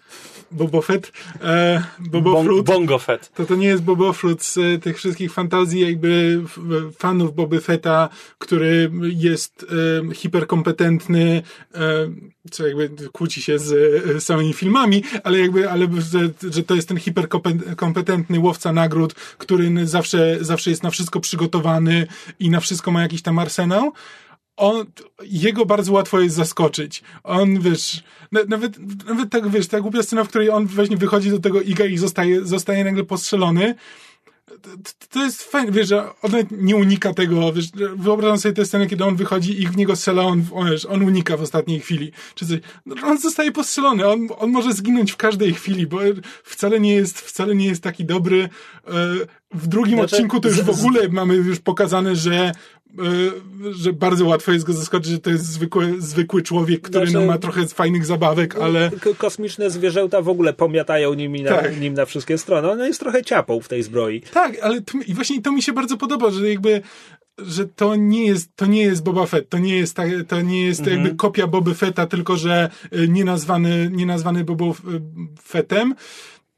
Tylko to jest zwykły człowiek, który próbuje, no jest łowcą nagród i próbuje zrobić i, i właśnie ja odnoszę takie wrażenie, że no jakby nadrabia miną, mimo że jakby nie ma, nie ma miny, że jakby jest tym twardym łowcą nagród i kiedy, wiesz, kiedy inni, e, inni kiedy rozmawia z innymi, e, inni, z, inni z nim rozmawiają, to robi te pozy właśnie Mandalorianina, małomów, małomównego, twardego i tak dalej, ale jak przychodzi co do czego, to, to, to on radzi sobie jak może i Ma dużo szczęścia. Tak, i po A- a prostu- Nie, nie zawsze jego sukces pochodzi z przygotowania tudzież umiejętności. Tak, ale wiesz, ale jest, ale jest zwykłym człowiekiem, którego, którego można zabić i którego można pokonać. Okej, tak, faktycznie jest tak zaprezentowany w tych obu odcinkach. Ale to nie jest charakter, to nie jest cecha Ale charakteru. jest charakter. Rozumiem to, jak najbardziej. To jest jakby, mówię, że jakby fajnie, że odchodzą od tego, że jakby, że nie każdy Mandalorianin musi być tym super twardym em, e, żołnierzem, E, Znaczy, ale jakby Mandalorianie mają taką, mają taką reputację i on musi do tego jakby jakoś dorównać. No ale, ale coś z tym robią. No jeszcze tylko mogliby to pewnie, mogliby to lepiej, mogliby jakoś lepiej pokazać ten jego charakter, no ale No tak, jakby Mandalorianka z największą liczbą czasu ekranowego w tym momencie w kanonie to jest dziewczyna, która jest fanatyczką graffiti. Więc... Rebels to dobry serial. Nie w pierwszym sezonie, ale potem. A Dobra, drugi odcinek? No, Czy jeszcze coś chcemy powiedzieć o pierwszym? no, podsumowywać będziemy po obu odcinkach. Okej. Drugi odcinek zaczyna się dokładnie tam, gdzie skończył się pierwszy, to znaczy Mandalorianin wychodzi z lewitującą kołyską z jeziołtkiem i w tym momencie zaczynamy długi hołd dla mangi Samotny Wilki Szczenie albo, nie wiem, Samotny Capi Koźle, jeśli ktoś czytał tylko Usagiego Yojimbo jak ja. A, a trochę dla Samuraja Jacka, bo mamy odcinek, który jest niemal pozbawiony dialogów, przez, jakby przez trzy czwarte odcinka tu w ogóle nie ma dialogów, są tylko sekwencje, jak Mandalorianin idzie z tym dzieckiem przez pustynię. Jest kilka sekwencji akcji, przerywanych kolejnymi sekwencjami, jak Mandalorianin idzie z dzieckiem przez pustynię. Po drodze będą jeszcze dwa montaże. I, więc to wszystko operuje obrazem i muzyką i tak dalej, żeby budować z jednej strony, żeby budować nastrój, ale też, żeby budować jakąś relację między Mandalorianinem i Jodziołtkiem, która jest bez słów, bo Jodziołtko nie mówi, przynajmniej na razie. Ja miałem jeszcze spore skojarzenia z ostatnim filmem o Riddicku, nazwanym Riddick. E, po prostu tam też, znaczy, to tro, trochę na czym innym polegało, bo tam przede wszystkim jakby Riddick był sam, więc jakby tam nie było tego elementu e, opiekowania się kimś, ale z, e, jakby też ten film się zaczyna od kilkudziesięciu dobrych minut bez żadnego dialogu. Kilkunastu może. Myślisz? Mam wrażenie, że tam te, te sceny trwały znacznie dłużej. E, no ale w każdym razie cały, cały początek tego filmu jest jakby bez, bez dialogów, gdzie tylko jakby Riddick, widzimy jak Riddick żyje na planecie i jak przygotowuje się do walki tam z jakimś, z jakimś potworem. Co bardziej przypomina z kolei jakby w, e, historię o Wiedźminie, e, ale, z, ale jakby miałem takie skojarzenie, bo jakby podobne, podobna scenografia, też jakby zero dialogów, tylko obserwujemy jak, jak przebiega życie na planecie. No tak, więc e, jeśli chodzi konkretnie o akcję, no to w ramach chodzenia przez pustynię Mandalorianin zostaje również zaatakowany przez dwóch Trandoszan. Trandoszanin pojawił się w Imperium kontratakuje i nic powiedział. Dwóch. E, Okej. I no akurat to jest scena, w której e, Mando nie jest ciapą, tylko jest kompetentny, bo, bo widzimy, że, że on wyczuwa tę zasadzkę. Tutaj się nie daje zaskoczyć. Usłyszeliście moją reakcję, jak oglądaliśmy to razem, bo Mandalorianie posługują się bronią białą, która jest obecna w Expanded Universe od nie pamiętam kiedy, ponieważ są to wibrotopory. Bo idea jest taka, że w Gwiezdnych Wojnach są wibrotopory, wibroostrza i inne takie Mandalorianie rzeczy. czy Trandoszanie? Trandoszanie, chciałem powiedzieć Trandoszanie. I polega to na tym, że zasadniczo jest to miecz albo topór, albo nóż do masła, czy cokolwiek, ale ma w rękojeści psztyczek i jak go przytykniesz, to to ostrze zaczyna wibrować, bo wtedy y, zadaje większe obrażenia i łatwiej I- przecina rzeczy. I może wtedy też y, z mieczem świetlnym. Mm, nie. Nie? Nie, to, To w Kotorze uzbrojenie. chyba. A, okej, dobrze. E, W Kotorze w ogóle jeszcze wszystko było z Cortozis, jako czegoś, Okej. co jest odporne na miecz świetlny. E, Więc ja czytałem e, w złych gwiezdnowojennych książkach o wibrotoporach, odkąd miałem 10 lat i nigdy nie spodziewałem się, że zobaczę je na ekranie. A oni ewidentnie mieli wibrotopory, więc się ucieszyłem. Favro też czytał. najwyraźniej. To jest jeszcze bardzo ładna scena, na którą jakby zwróciłem uwagę wam, jak og- oglądaliśmy. To właśnie jak, jak się, wy, chciałem powiedzieć Boba Fett, jak Mandalorianin właśnie idzie przez tą dolinę i z, patrzę, jakby widzimy, mamy zbliżenie na jego twarz i on się zaczyna Hełm. tam rozg- znaczy tak, na jego hełm i on się zaczyna, zaczyna rozglądać e, i tam z, w- łatwo przegapić, bo wy przegapiliście, ja prawie przegapiłem, tylko tak kątem oka zobaczyłem, że w, autentycznie w jego, w jego hełmie, w odbiciu na jego hełmie widać, jak e, nad nim przeskakuje tych dwóch, tre, tych dwóch trandoszan przez tą dolinę. On idzie jakimś wołwozem. kotlinę właściwie, tak. E, tak, no i w tej walce Mandalorianin zostaje ranny, a e, jeden z Trandoszan miał przy sobie ten sam FOB, który, w który wcześniej zostali wyposażeni Mandalorianin i IG-11, czyli to urządzonko, które ich naprowadza na jodziołtko. Czy to naprowadza ich bezpośrednio na jodziołtko, czy może na lewitującą kołyskę, której powinien się pozbyć w takim wypadku? Tego na razie nie wiemy. W każdym razie te urządzenia jakoś ich naprowadzają. No i to nam pewnie też mówi nam i Mandalorianinowi, że prawdopodobnie będą kolejni łowcy nagród, którzy będą polowali na, na jodziołtko. W tym odcinku jeszcze ich nie widzimy. Aha, mamy scenę przy ognisku, gdzie Mandalorianin próbuje się połatać, e, przypalając sobie rany. Chyba to się działo. Nie jestem pewien. Znaczy przypalając, ale jakimś high-techowym gadżetem. Tak, no i tam, tam Jodziołtko podchodzi i wyciąga do niego łapkę i muzyka zaczyna nam sugerować, że zaraz wydarzy się coś mistycznego, no ale się nie dzieje, bo Mandalorianin po prostu odkłada go do, do kołyski, albo ją, albo to. Jodzianko ma przy tym minę, jakby miało zaraz piernąć, ale Znaczy, umówmy się, Mandalorianin ma je już co najmniej od 12 godzin i nie było sceny, w której by go przewijał, więc że jodziątko samo się przewija mocą. Tak, no i kiedy, kiedy docieramy, kie- kiedy nasi bohaterowie docierają w końcu do swojego statku, okazuje się, że statek obsiedli jawowie, którzy rozebrali go już w połowie i w ogóle stoi tam cały gigantyczny piaskoczołg jawów. A Czy to jest oficjalna nazwa? wydaje mi się, że tak to było tłumaczone. Angielska to jest Sandcrawler. Mhm. Reakcją Mandalorianina jest wziąć strzelbę i zacząć zabijać jawów.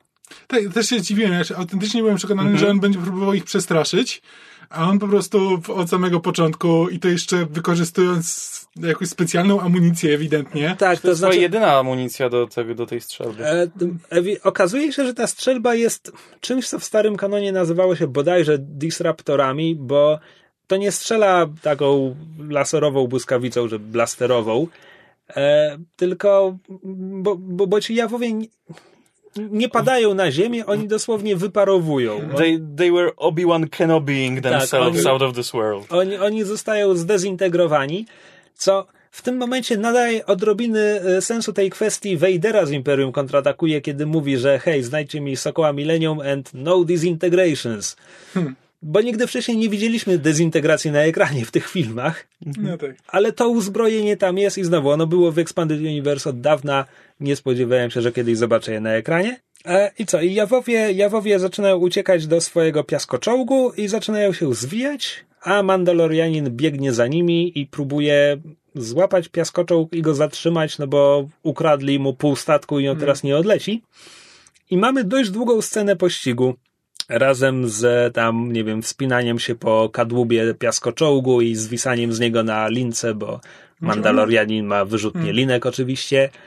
E, Po drodze eliminuje jeszcze paru jawów i w końcu tam się wspina na samą górę, Tylko po to, żeby. żeby dostać. spojrzeć w lufy jakby kilkunastu tych Jabłów. Tej broni trzymanej przez jawów, tak. K- Którzy y, niestety strzelają do niego tylko z czegoś, co go paraliżuje. Mówię niestety, bo jakby to, to byłby bardzo. E, zaskoczyłby mnie ten zwrot akcji, gdyby główny bohater został wyeliminowany w drugim odcinku. Ale nie, on, on tylko traci przytomność na moment. Potem przez sześć odcinków byśmy patrzyli, jak schnie na pustyni. I to byłaby sztuka. Byłem kiedyś na wystawie, gdzie był film Yoko Ono, gdzie mucha krążyła po Te- czyjejś twarzy. Znaczy, to ona leżała na zimnym metalowym stole i po niej całej nagiej chodziły muchy. No więc to była sztuka, więc gdyby było sześć odcinków, jak po Pedro Pascalu To chodzą ostatni raz wtedy byłem w Muzeum Sztuki Nowoczesnej i bardzo długo się nie wybiorę już. O, sztuka współczesna jest fantastyczna. Znaczy, czasami jest tym, ale bardzo Mhm. często jest fantastyczna. Znaczy, znaczy ta, scena, ta scena pościgu, znaczy to, tego wspinania się na y, piaskoczołg jest bardzo fajnie To jest zrealizowana. ładna scena i w ogóle jako scena akcji to mi bardziej płynęło od tej strzelaniny z Tak, pierwszego zdecydowanie. odcinka. Znaczy, no, bo to też było bardziej skupione jakby na, wiesz, na jednej postaci, co jakiś czas ktoś tam wyskakiwał jakiś jawa z okienka i Tak. trzeba się było nim zająć, więc to było takie bardziej skupione, ta akcja była bardziej skupiona i nie uciekała. A nie jednocześnie. Ponieważ to są jawowie, ona jest bardzo, bardzo śmieszna. Tak. Przez sam fakt, że to są jawowie, którzy mają metr wzrostu i wszyscy biegają w szlafrokach z I mają cienkie głosiki. i krzyczą Uti i tak, jest to bardzo śmieszne. Znaczy, Nie spodziewałem się tam jawów, Znaczy, pierwszy, naprawdę. pierwszy odcinek był zrobiony przez Dave'a Filoniego, ale ta scena mi się, znaczy jakby, ale ten drugi odcinek dużo bardziej mi się kojarzy właśnie z Kreskówkami? kreskówkami, tak. E, to nawet- Zwłaszcza jak wyskoczy kosmonosorożec. Tak, znaczy, ale nawet nie mówię o tym, że wiesz, że jakby w kreskówkach ludzie, jakby twórcy sobie pozwalają na e, trochę więcej lekkości, nazwijmy to, żeby nie powiedzieć głupot, ale też jakby s- pozwalają sobie na więcej eksperymentowania formą, na jakby pokazywanie więcej obrazami niż, e, Dlatego, mówieniem. dlatego mówiłem, że ten odcinek przypomina Samuraja Jacka, który Właśnie, dokładnie- ma całe odcinki, które tylko na tym O, ty, polegają. o tym między innymi myślę, jakby, I też że po prostu tak masz po prostu masz całe odcinki, które potrafią być czymś zupełnie innym, bo, bo w animacji możesz sobie na to pozwolić, bo to cię nie będzie nic kosztowało, jeśli postanowisz zrobić teraz coś dziwnego. E, to jakby no to i tak musisz wypuścić, wiesz, te 20-minutowe odcinki, to zrobisz te 20 minut. Nikt na to nie patrzy, bo po prostu musi być tam jakiś content. Większość osób, e, większość producentów jakby nie zwraca szczególnie uwagi na to, co jest, bo to nie są tak flagowe serie jak, e, jak te aktorskie, więc tam sobie ludzie często pozwalają na dużo więcej i też dużo więcej, a ponieważ to są animacje, to dużo bardziej skupiają się właśnie na tym aspekcie wizualnego opowiadania historii, jakby e, i No układania bądź- kadrów. Bądźmy szczerzy, trochę młodsza też y, ta, ten tar, tar, tar, target jest trochę młodszy jednak przy kreskówkach. Owszem, biorą pod uwagę, że dorosły fan też ma mieć y, co oglądać, ale, Tak, ale to- jednak to- jak to też zarzucą jest- dzieci dialogiem, to, to No też właśnie nie, o to chodzi, że to też, jest, to też jest element jakby tych kreskówek, że nie można, nie można zarzucić dziecka zbyt dużą ilością informacji, więc jakby to jest, więc zawsze masz pomiędzy jedną ważną sceną, a drugą ważną sceną masz atak potwora spod lodu, e, tylko po to, żeby coś się działo i żeby troszkę rozbudować świat, żeby to po prostu fajnie wyglądało, mówiło nam trochę o świecie, a przy tym nie dorzucało nowych informacji, których musisz zapamiętać. Tak. I co? E, I po tym, po tym, jak się okrutnie zhańbił w obliczu jawów, Mandalorianin e, wraca z podkulonym ogonem i jodziołtkiem do Nika który mówi mu, że hej, to jawowie, czy próbowałeś się z nimi dogadać i pójść na jakąś wymianę? I następnego dnia Nick Nolte zawozi Mandalorianina i jodziołtko do miejsca, gdzie akurat zatrzymali się jawowie i tam zaczynają negocjować. Tam mamy scenę, gdzie jawowie każą Mandalorianinowi odłożyć broń, a ten mówi, że nie, jestem Mandalorianinem, broń to moja religia. Cokolwiek to znaczy, ja wciąż trzymam się swojej interpretacji, że to miał być, miał być dowcip. I w ramach negocjacji jawowie wpadają na pomysł, że Mandalorianin ma dla nich zdobyć jajo i wtedy oni oddadzą mu część jego statku, pół statku właściwie. I zaczyna się polowanie na jajo. To znaczy, jawowie jadą gdzieś piaskoczołgiem, zabierają Mando i pokazują mu jaskinię, z której ma wynieść jajo, więc on oczywiście tam wchodzi, tam jest ciemno, świeci sobie latarką i nagle otwiera się wielkie oko, ponieważ jesteśmy w jaskini smoka.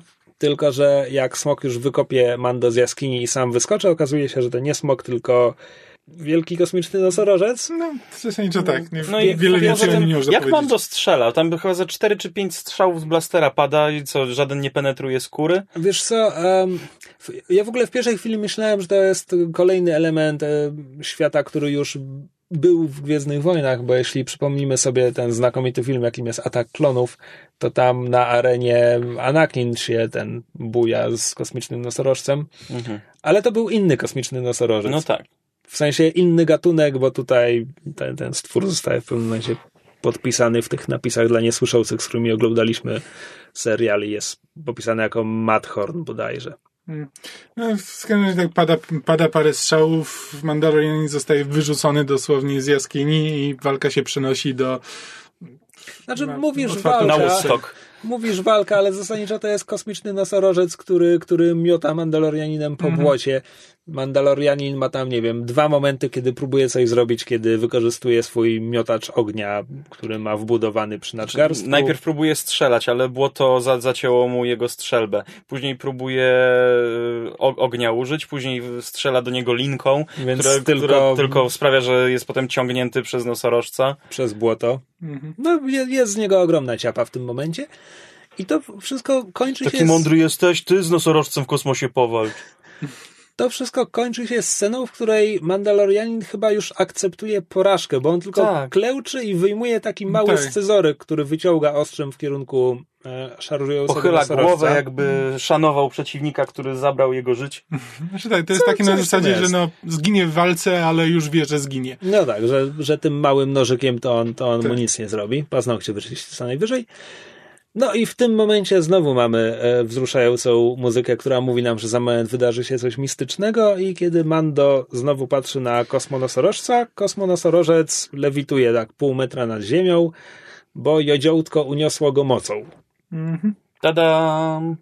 Nie wiem, co myślę o dzieciach władających mocą. Być może jestem do nich uprzedzony, ponieważ w starym Expanded Universe były bardzo złe książki z dziećmi władającymi mocą. A c- co wiemy o rasie jody? Nic. To jest, to jest wręcz absurdalne. Wydaje mi się, że gatunek jody musiał być objęty jakimś zakazem przez George'a Lucasa.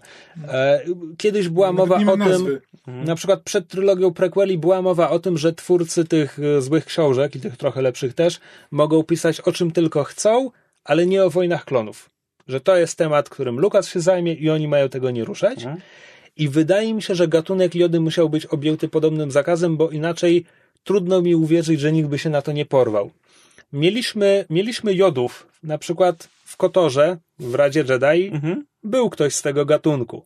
E, ponieważ w Mrocznym Widmie pojawia się Jadl, więc są tam, nie wiem, trzy komiksy na krzyż, w których występuje Jadl. Jakby znamy jej przeszłość, ale znowu nie wiemy, co to za gatunek, nie wiemy, kim oni tak naprawdę są i tak dalej. Pomysł, że przez 50 lat są zasadniczo niemowlakami, Właśnie ja się zastanawiam, czy on naprawdę, czy umysłowo on, on ona rzeczywiście jest niemowlakiem, zachowuje się jak niemowlę, Albo ale przez ono. 50 lat... Znaczy Nie ja wiemy. podejrzewam, że to jest bardziej na poziomie tam parolatka, no to jest... możemy podejrzewać. Na serial nam na razie tego, tego nie mówi. No ale tak, no ale jakby biorąc pod uwagę, że jakby, znaczy no, ta rasa jod, jo, jodów e, żyje, Jodów i jadlów. Żyje setki lat, no to jakby łatwo uwierzyć w to, że no może osiągać jak... Znaczy, no, to tak, no, elfy też żyją setki lat i nie są przez 50 lat niemowlakami. No ale wiesz... Są, są różne fikcyjne gatunki, wiem, różnie działają. Nie jestem fanem tego pomysłu, to wszystko, co mówię. No, nie, nie, nie mam z tym problemu. Znaczy, to jest, znaczy... Inna sprawa, że ja się miałem czas do tego przyzwyczaić, bo niestety miałem to zaspoilerowane, zanim zacząłem oglądać e, Tak, ja w nie ogóle pierwszy, pierwszy odcinek. Przez w taki najgłupszy sposób, bo e, zobaczyłem po prostu obrazek, ktoś zrobił fanart e, Mandalorianina z małym jodą. Nie, w sensie w ogóle z jodą chyba po prostu. Tylko, że to było tak, że był ten obrazek i było obok e, oryginalny, inspirujący tweet, który po prostu polegał na tym, że o teraz, teraz koniecznie chcę zobaczyć fanart e, Mandalorianina z Baby Y e, ten asterisk, asterisk A, czy coś takiego. E, Na zasadzie, że ktoś to próbował po prostu, wiesz, powiedzieć dla ludzi, którzy wiedzą o co chodzi, ale wiesz, ale żeby nie powiedzieć, ale ponieważ ktoś zrobił do tego rysunek i wrzucił jeszcze tą, tą inspirację, to nagle a okej, dobra, to ja już wiem, wiem, wiem do czego pół- zmierza ten serial. Ja pół godziny Odcinek. po obejrzeniu pierwszego odcinka zobaczyłem screen z, właśnie ze zdjęć z, z serialu e, właśnie z Jodziątkiem. I Mm. tak uff, minęło mnie, Tak. spoiler mnie minął po prostu o Znaczy- parę centymetrów. To nie jest spoiler, który jakby coś ci... Ale, ale wiesz co, wiesz jak ja byłem zaskoczony, jak zobaczyłem to Jodziątko? Znaczy, tak. Jakbym wiedział, że występuje tam Jodziątko, to bym się go pier- w spodziewał. pierwszym odcinku na pewno jest ta niespodzianka na zasadzie cel ma 50 lat, Właśnie, zielone bobo. ale właśnie to, to jest właśnie dlatego żałuję, że zas- dziecko Jody i jakieś ropuchy z Dagoba. Znaczy właśnie dlatego żałuję, że to, ktoś mi to zaspoilerował, bo jakby też byłbym ciekaw na zasadzie, czy, ja, jakie to by było zaskoczenie, na ile to by było zaskoczenie, czy zacząłbym coś podejrzewać. No bo, no bo wiedząc to już, to miałem takie, to jest strasznie dziwna kwestia na zasadzie, wiesz, nie wiemy nic o celu, nie dostaniesz jego imienia, ma 50 lat. I nawet nie dostaniesz żadnej, wiesz, nie, nie, nie dostaniesz jaki, jakiego jest gatunku, e, jak się nazywa, jakiej jest płci, nic. Ma 50 lat, to jest wszystko, co wiesz. E, jakby, jak się nad tym celowa zmyła, zastanowić, no. Nie, no, ale właśnie na, do, do tego zmierzam, że jak się nad tym zastanowić, to, to jakby spojrzeć na to logicznie, no to, to, to, to, to, zaczynasz się wtedy zastanawiać, że czemu tylko mówię o tych 50 latach i można wtedy pomyśleć, że jest zmyłka. No ale to, wiesz, ale to jest mój proces myślowy, wiedząc do czego to zmierza. Jestem po prostu ciekaw, na ile, wiesz, ile osób było w stanie się domyślić, e, o co może chodzić. No tak. No i Jodziątko traci przytomność po tym całym użyciu mocy. Już gdy straciło przytomność, to nosorożec opada i e, Mandalorian wbija swój scyzoryk w jakieś chyba super czułe, mordercze miejsce z boku głowy e, nosorożca. Właśnie, ja nie wiem, czy to dlatego, że robił serial PG-13, jakby, gdyby chociaż wbił mu to w oko, to przynajmniej by to wyglądało tak na zasadzie, tak, wbił mu to w oko, dlatego zwierzę padło. Ale on mu to wbija... To tak jak my byśmy Kawałek drzaz, drzazgę albo igłę sobie wbili w rękę. I, I my widzieliśmy ten scyzoryk, on naprawdę był żałosny, to było parę Ale- centymetrów ostrza. Teraz, kurczę, żałuję, że nie, nie sprawdziłem tego, ale czy, czy ten scyzoryk nie wibrował? Nawet jeśli. Czy, znaczy zastanawiam się, czy po prostu, czy to nie jest wytłumaczenie w oczach twórców przynajmniej. Nie, jakby Ale, ro, rozumiem, rozumiem, jaki ta scena miała mieć efekt, moim zdaniem nie ma tego znaczy tak, efektu. gdyby to nie był film, film czy tam serial PG-13, no to wiesz, to jeszcze gdybyśmy zobaczyli rozbrysk krwi Znaczy- wtedy z tego, no to okej, trafił w tętnicę, wiadomo co się dzieje. Ale wystarczył, znaczy, znowu, mógłby mu to wbić w oko i jakby nie było rozbłysku krwi, to wciąż jest PG-13. Mhm. Przeszł, ołówek w oko przeszedł w Mrocznym Rycerzu. A, a z kolei wspominałem o kosmonosorożcu z Ataku Klonów. Django Fett zabija go w końcu strzelając mu w oko. Mhm. Więc, no nieważne, no nie zadziałała ta scena tak, jak miała moim zdaniem. Mógł zamiast noża po prostu, o, mój blaster, który opuściłem, pcium, już lepiej. No, cokolwiek, tak. Cokolwiek, ale nie to. E, I co? I właściwie od tego momentu do końca odcinka jest jeszcze parę minut, ale akcji nie ma tam dużo, bo widzimy, że jawowie już się zbierają, żeby odjechać i zostawić Nika Noltego na pustyni, ale w tym momencie oczywiście Mando przychodzi z jajem, które jawowie rozbijają, żeby zjeść. No tak. Zabawne. Ja mówię proste stworzenia. E, tak, i, i oddają, oddają ukradzione pół statku Mando. Nick Nolte pakuje je ten, i, i wracają na statek. E, I Znaczy, ale muszę powiedzieć, że ta scena z tym z jedzeniem tego jaja jakby dla mnie zadziałała, bo ja miałem takie na zasadzie po cholerę tym jawom jest, jest to jajo. Znaczy, co oni, co oni teraz z tym zrobią? Czy oni mają zamiar jakby wychować sobie takiego nosorożca? Albo nie, sprzedać go do walki na arenę. No, no, jajko, żółtko, Tak, okej. wszystko jest dobre z żółtkiem. I jakby, i jakby od razu mam takie, oczywiście, jakby tak, ma to dla mnie mnóstwo sensu. Ja absolutnie to rozumiem. Bardzo, bardzo fajna scena, dla mnie zadziałało. E, tak, no i dostajemy kolejny montaż, gdzie Mando i Nick Nolte naprawiają statek e, i znowu mamy główny utwór muzyczny i w tym momencie to już nie wygląda jak Rocky, tylko jak drużyna A, bo tam ciągle coś spawają i tak dalej. Nawet wykuwają też znowu młotem kawałek. mi się wydawało, że to by, by, że on naprawiał swój napierśnik wtedy. Czy napierśnik ma tyle elektroniki w sobie, że walenie w niego młotem naprawdę No, jest ale, jeszcze bardziej ale jednocześnie te zewnętrzne się spłytą. Poza tym to są kosmiczni kowale, no. Oni wiedzą, co robią. Nasz następny sezon. E, bo, no tak, no bo oczywiście nosorożec pogiął, pogiął mu napierśnik kompletnie. Bo nie był z bezkaru. Jeszcze nie jest. No pewnie teraz. w- Następne dwa odcinki, jak będziemy oglądali, to znowu będzie upgrade zbroi. Czekaj, coś takiego. napierśnik to cztery odcinki, sześć odcinków. Zostanie bez jednego na, nagolennika. Nie starczy odcinków, jeżeli co dwa odcinki ma być upgrade. E, tak, na koniec napraw e, Mandalorianin jeszcze e, ten.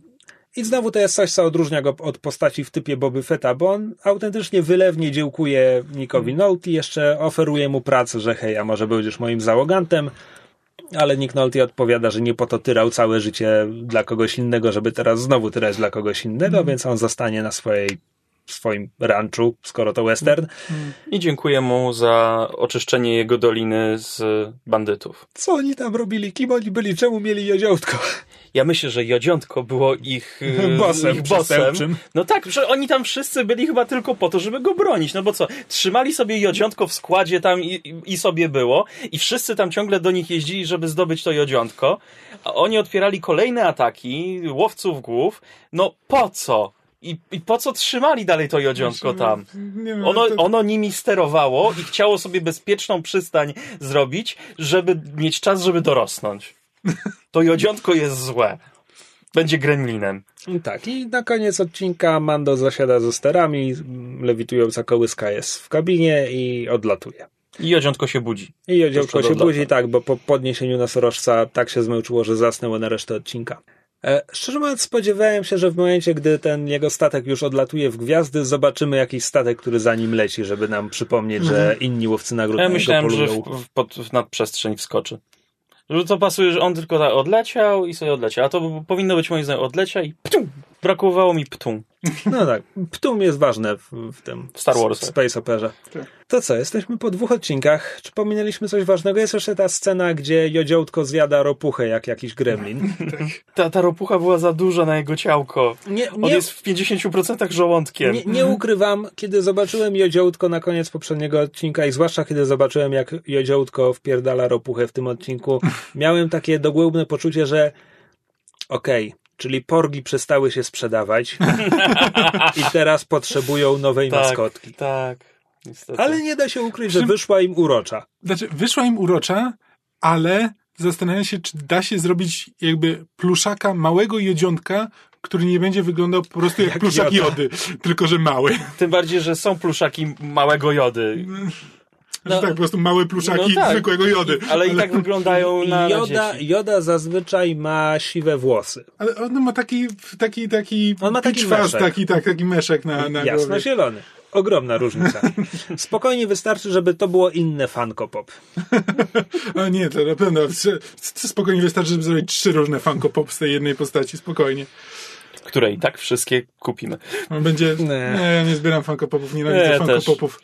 Znaczy, znaczy, nie mam, nie, znaczy nie mam nic do ludzi, którzy, którzy lubią zbierać Funko Popy. Dobrze, bo ja z mego mam parę Nie, jednak. Wiem, ale, ale po prostu mam po prostu problem z Funko Popami, z firmą Funko Pop. Nie, To wszystkie, wyglądają- one wszystkie są takie same. Pierwsze serie tak, pierwsze serie są tragiczne, potem zaczęli je trochę bardziej różnicować. Nie, no tak, ja wiem, że są one, no, nie mówię Pamiętam, dosłownie że jakby... wy, wygrałem w konkursie tego Angela z Angela. On wygląda po prostu jak każdy inny. Mm.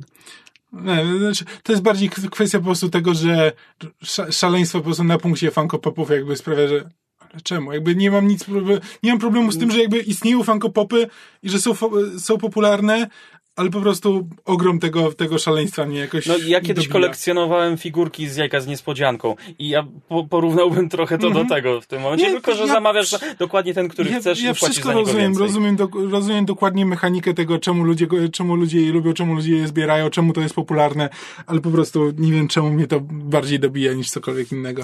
Odrobinę zboczyliśmy z tematu. Myślisz? Odrobinę. ja bym jeszcze poświęcił na to z 15 minut. Kosmiczne Funko Popy. Mamy ze sobą dwa odcinki. Jak wyskoczy jakiś teraz w serialu u kogoś, jakiś Funko Pop. Ale chyba, że Funko Pop chce sponsorować któryś z naszych podcastów, to wtedy będę mówił, że są, że są najlepsze i możecie je kupić ze, ze zniżką gdzieś tam. E, drugi E. odcinek wyreżyserował reżyser filmu Dope. Niestety zapomniałem teraz imię i O nazwisko. Jezus Maria. E, A ja go tylko- nie chcę, nie chcę zgadywać, bo to jest e, czarnoskóry reżyser z azjatyckim nazwiskiem, więc nie czuję się na siłach zgadywać, jak on ma e, jak E, w nazwisko każdym brzmiało. razie ty to sprawdź, ja tylko dodam, że mówi o tym, że... Rick Famuyiwa. No właśnie, czyli jakby już, już nie Filoni. Jednocześnie ja nie wiem, czy Favreau wyreżyserował choć jeden odcinek, czy on jest tylko showrunnerem. Przepraszam, stwierdzenie, że to było azjatyckie nazwisko, to, to, to była przesada, bo to Famuyiwa to nie jest azjatyckie nazwisko. E, bo na przykład wiem, że czeka nas jeszcze na przykład odcinek wyreżyserowany przez Bryce Dallas Howard. Kto to? Mało. E, aktorka, Ju- w Jurassic Parku? W, znaczy tak, w, w, w nowych tych grateł tam główną postać żeńską. Nie oglądałem żadnych. Okej. Oglądałeś e, The Village Shyamalana? Nie. Okej. Oglądałeś trzeciego Spidermana Sama Raimiego? Nie. Grała tam Gwen Stacy. Sama Ray, sama Ray, to ten taki Z Tobim Maguirem. z Tobey Maguirem, okej. Tam, gdzie Peter Parker tańczy na ulicy. Okej, to pamiętam. No i, i ona I grała... Topher, Topher Grace grał Venoma. Tak. Ona grała tam tę blondynkę, z którą Peter tańczy, żeby Mary Jane była zazdrosna. Nie ma szans, żeby sobie przypomniał, bo ja wiem, że ona ją grała, ale... No, nieistotne. E, Jest też córką Rona Howarda, który wyreżyserował. A, to wiem!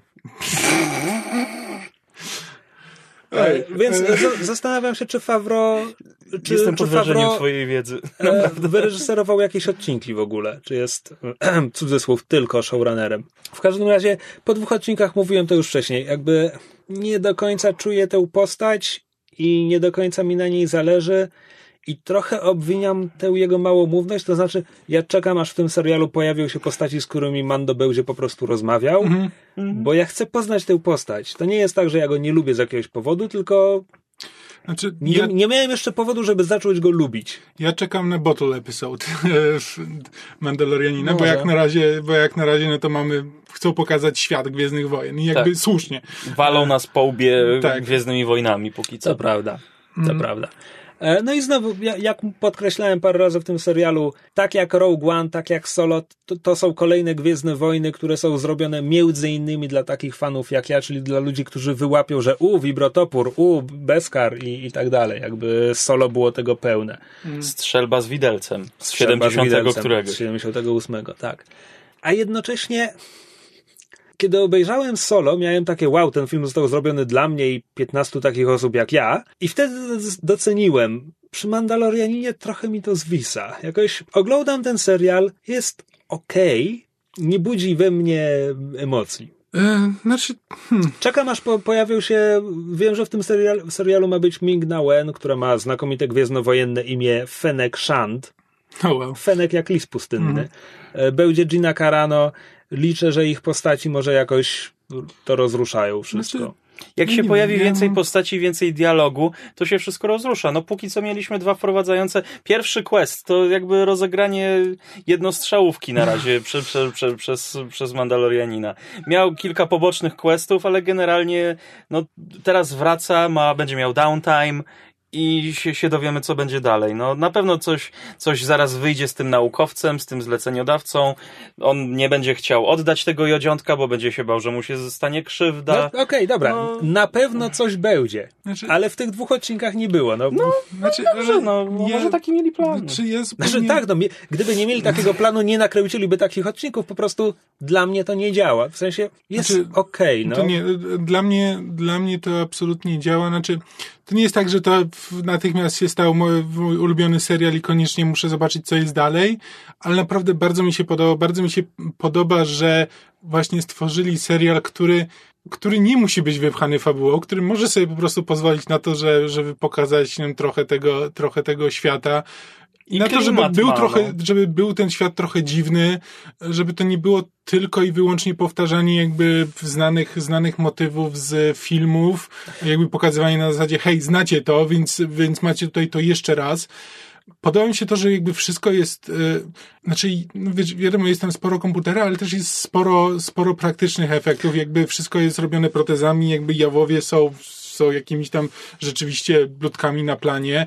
E, Znaczy, wiesz co, no ja oczywiście doceniam, doceniam brzydkie kosmiczne zwierzęta, które są jakby, mają w Gwiezdnych Wojnach długą tradycję. Tak, jedno z, jeden z pierwszych bossów w, w mm, Chcesz- Jedi Fallen Order nazywa się o Ogdo Bogdo. Ogdo Bogdo. Jest wielką ropuchą zasadniczo. Zabiłem w końcu drania, żeby przekonać się, że w tym pomieszczeniu jest tylko coś, do czego Ej, i tak chłopaki, ja potrzebuję będę w to grał jeszcze, jeszcze będę w to grał zaraz, nie mówcie. E, w każdym razie, o spokojnie, Ogdo Bogdo na siebie czeka. E, natomiast kiedy mówiłem, że, że tak, że mamy to operowanie obrazem i muzyką, żeby snuć nastrój, ale i historię i tak dalej, i, i że ten drugi odcinek przypomina mi Samuraja Jacka, to wszystko jest prawdą. Tak jak prawdą jest to, że moim zdaniem Samurai Jack robił to lepiej, bardziej wyraziście i Znaczy, tak to, dalej. jest, to jest prawdopodobnie różnica między Animacją. Nie, między mną a tobą. A. E, w- Znaczy w sensie ja nie oglądam tak dużo animacji. E, więc jakby ja nigdy nie oglądałem całego Samuraja Jacka. Jakby wiesz, znam parę odcinków, widziałem wiesz parę odcinków tam na wyrywki Mhm, ja tak e. Wojen Klonów czy Rebelsów.